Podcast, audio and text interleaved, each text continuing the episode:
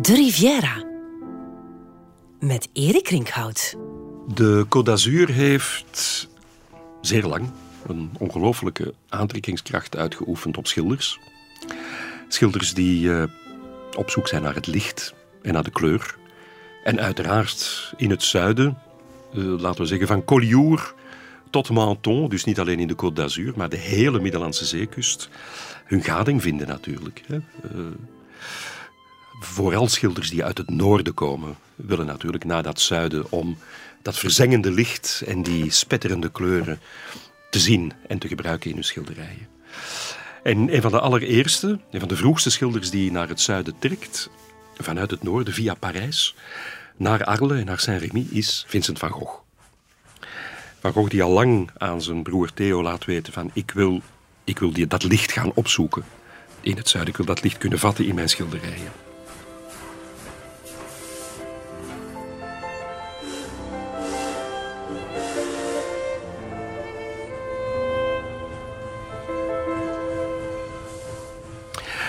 En dus op uh, 20 februari 1888 stapt Vincent van Gogh uit de trein in Arles.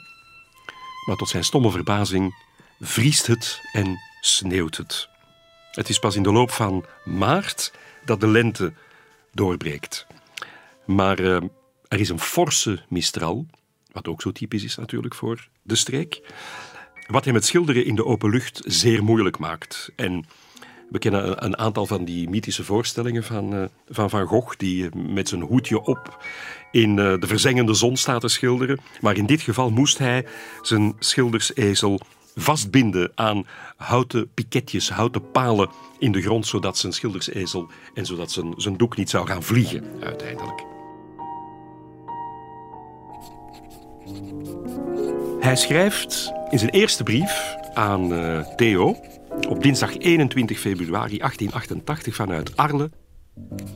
Waarde Theo. Tijdens de reis heb ik op zijn minst evenveel aan jou gedacht als aan de nieuwe omgeving die ik zag. Maar ik zeg bij mezelf dat je later wellicht zelf vaak hierheen zult komen. Het lijkt me bijna onmogelijk om in Parijs te kunnen werken, tenzij je een toevluchtsoord hebt om bij te komen en om je kalmte en zelfvertrouwen terug te vinden. Anders zou je onherroepelijk afstompen. Nu kan ik je vertellen dat er hier om te beginnen overal minstens 60 centimeter sneeuw ligt en het sneeuwt nog steeds. Arles lijkt me niet groter dan Breda of Mons. Voor ik het Tarascon aankwam, heb ik een schitterend landschap gezien van immense gele rotsen in de merkwaardige verstrengeling, de meest imposante vormen. In de kleine dalen tussen die rotsen stonden rijen ronde boompjes met olijfgroene of grijsgroene bladeren. Het kunnen heel goed citroenbomen zijn. Maar hier in Arles lijkt het land vlak. Ik heb prachtige rode stukken grond gezien, beplant met wijnstokken, met op de achtergrond bergen in het zachtste lila. En de landschappen in de sneeuw, met de witte toppen tegen een hemel even helder als de sneeuw, waren net als de winterlandschappen die de Japanners hebben gemaakt. Hier mijn adres. Restaurant Karel, 30 Rue Cavalerie, Arles. Ik heb alleen nog maar een kleine wandeling in de stad gemaakt, omdat ik gisteravond min of meer uitgeput was. Ik zal je spoedig schrijven. Een antiquaire bij wie ik gisteren in de straat hier binnenliep, zei me dat hij een Monticelli wist. Met een stevige handdruk voor jou en de vrienden, Vincent.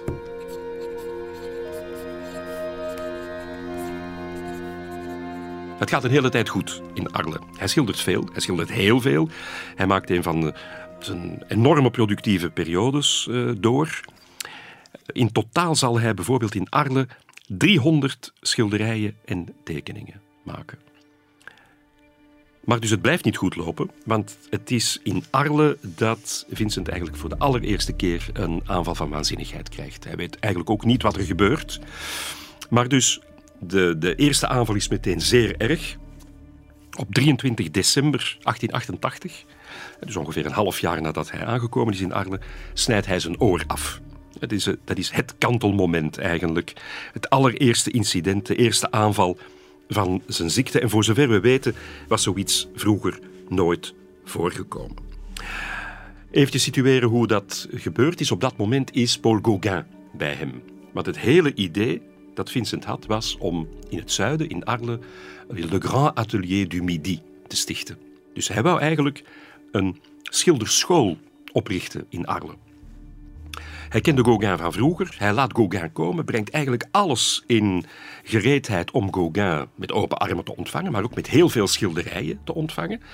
En uh, hij zorgt ook dat de slaapkamer in orde is, enzovoort, enzovoort. Maar Gauguin is niet echt onder de indruk. Gauguin voelt zich daar ook niet helemaal goed. Er is op die avond van het kantelmoment waarop uh, Vincent zijn oor zal afsnijden, is er een ruzie.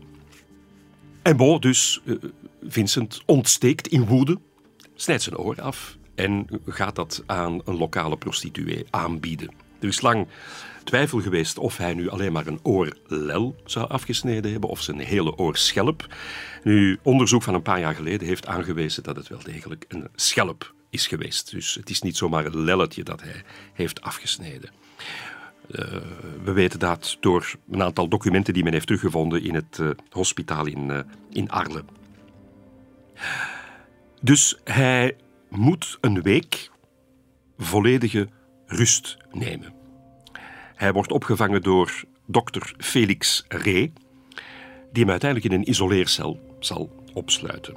Want Vincent blijft onsamenhangend praten, hij herkent de mensen niet. En vervolgens zien we dat een aantal keren een aanval terugkeert. Heel erg. Het ziektebeeld is na zoveel jaren nog altijd niet zeker.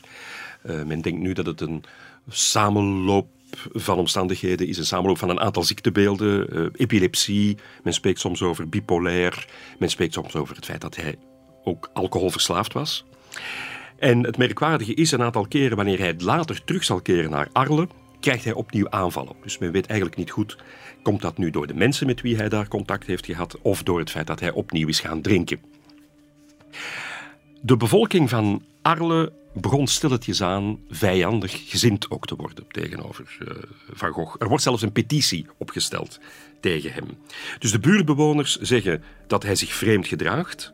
Ze vinden hem eng en ze voelen zich bedreigd. Hij zou ook vrouwen lastigvallen. En dus er wordt een petitie opgesteld en men geeft hem eigenlijk uh, niet langer de toelating om zich op straat te begeven en daar rond te wandelen en te schilderen. Zoals ik al zei, er komen een aantal keer aanvallen terug. Hij vindt dat zelf verschrikkelijk. En hij laat zich op een bepaald moment, mei 1889, vrijwillig opnemen in het sanatorium van uh, Saint-Rémy de Provence. Dus de, het sanatorium van Saint-Paul de Moselle. En dat kun je nog altijd gaan bezoeken. Het is wel een indrukwekkende ervaring eigenlijk om nog altijd de kamer van Vincent te kunnen binnenstappen. Je ziet daar een klein ijzeren ledikantje. Uh, er staat een werk, een reproductie op de schildersezel.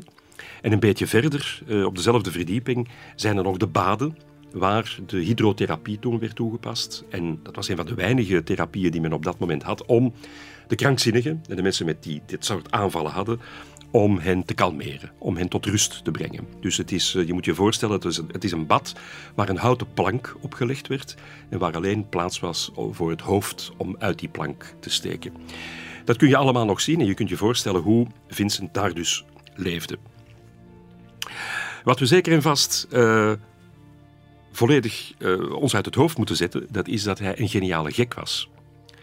Integendeel, hij heeft zoveel kunnen schilderen, ondanks zijn aanvallen. Tijdens de periode van waanzinnige aanvallen kon hij absoluut niets doen. Was hij compleet geïmmobiliseerd. En hij wist zelf ook niet goed wat er allemaal aan de hand was. Dat schrijft hij ook in een andere brief aan, uh, aan Theo. Dat is een brief die hij uit Saint-Rémy de Provence stuurt op donderdag 22 augustus 1889.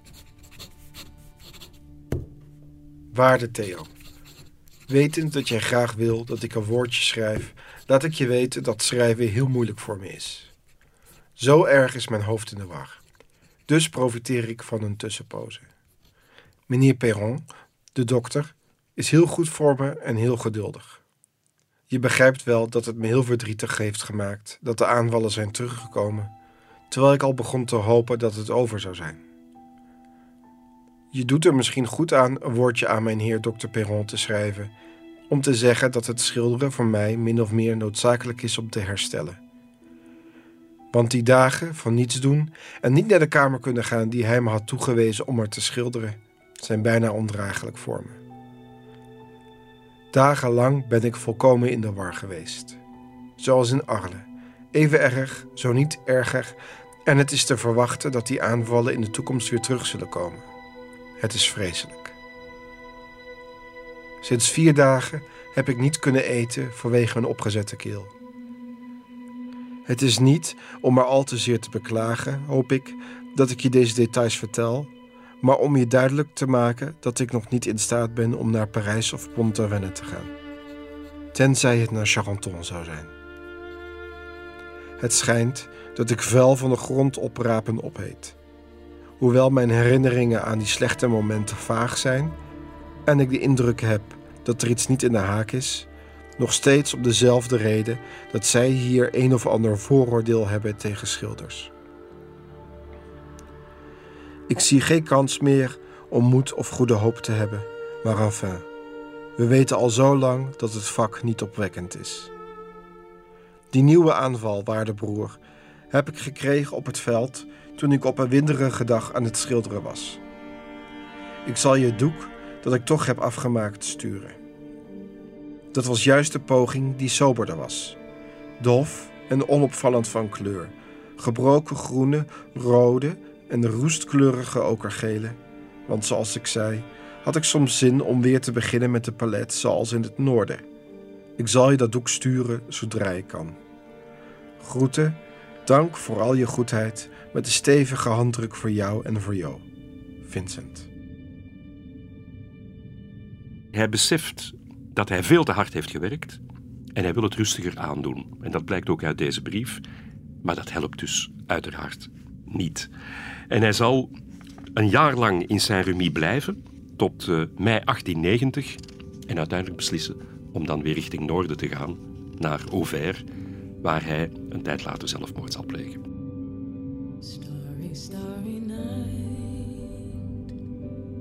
Het is ook in Saint-Remy dat hij een van zijn allerberoemdste schilderijen zal maken, namelijk de Sterrennacht, de Starry Night, die momenteel in het eh, Museum of Modern Art in New York hangt. En dat is dus die, die merkwaardige sterrennacht, boordevol golven. Het is alsof de, de hemel één grote zee is. En je vraagt je af of dit een soort ja, trance is die hij heeft meegemaakt en die hij later visueel vertaalt in een schilderij. Want zoals ik al zei, op één uitzondering na kon hij tijdens zijn waanzinaanvallen absoluut niks doen. Hè. Aanvallen die soms wekenlang duurden of wekenlang gevolgen hadden. En hij kon, niet, hij kon niet schilderen. Dus hij kan alleen schilderen als hij terug helder is en opnieuw goed is. Hij heeft ook in Arles bijzonder veel geschilderd. Een aantal absolute topwerken, iconische werken die we nu ook kennen.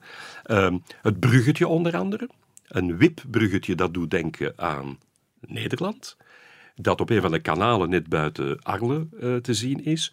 Het is heel grappig dat de toeristische dienst dat wipbruggetje, dat ooit op een andere plaats stond, nu enkele kilometers heeft moeten verplaatsen uh, op een andere plek. Maar je kunt het nog altijd gaan bezoeken en er staat ook een reproductie naast. Hij schilderde vaak s'nachts en hij heeft bijvoorbeeld ook Café de Nuit geschilderd.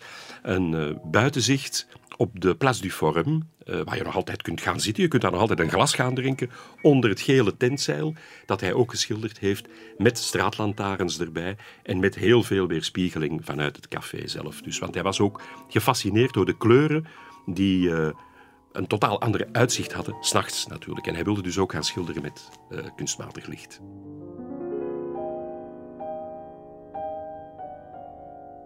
Je kan zowel in Arles als in Saint-Remy-de-Provence in de voetsporen treden van Van Gogh.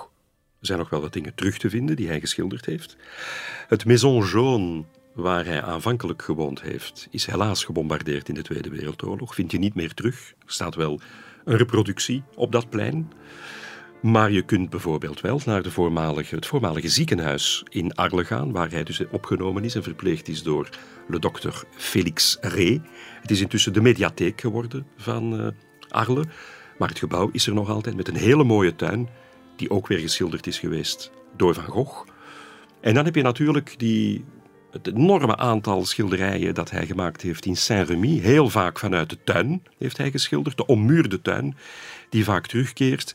En uh, die hij mocht schilderen, omdat hij dus in het sanatorium in Saint-Remy de toelating had om op een bepaalde plek te schilderen, wat de andere uh, patiënten niet toegelaten was. Het was een zeer streng regime.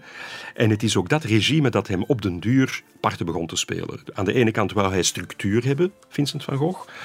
Maar aan de andere kant uh, begon hij de hele situatie daar verstikkend te vinden.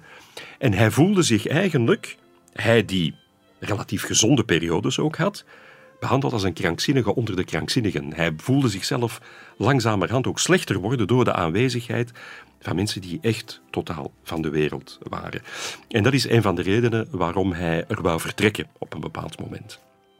Maar hij heeft daar dus heel veel geschilderd en je kunt die tuin bezoeken waar een aantal van de reproducties ook te zien zijn, schilderijen die hij daar effectief geschilderd heeft. Reproducties, want helaas, in die hele Provence is er nog maar één authentieke Vincent van Gogh te vinden, authentiek schilderij van Van Gogh. Uh, dat is momenteel in de collectie van het museum Angladon in Avignon. Een hele mooie collectie trouwens, oude collectie. En dat is een schilderij dat hij maakte van een spoorwegberm en spoorwegwagons in Arles. En alle andere grote Van Gogh schilderijen, die honderden die hij in Arles en Saint-Rémy geschilderd heeft, bevinden zich in de grote musea ter wereld. Uiteraard in het Van Gogh Museum in Amsterdam en voor de rest in New York, Parijs, Londen en andere grote wereldmusea. Niet in de Provence.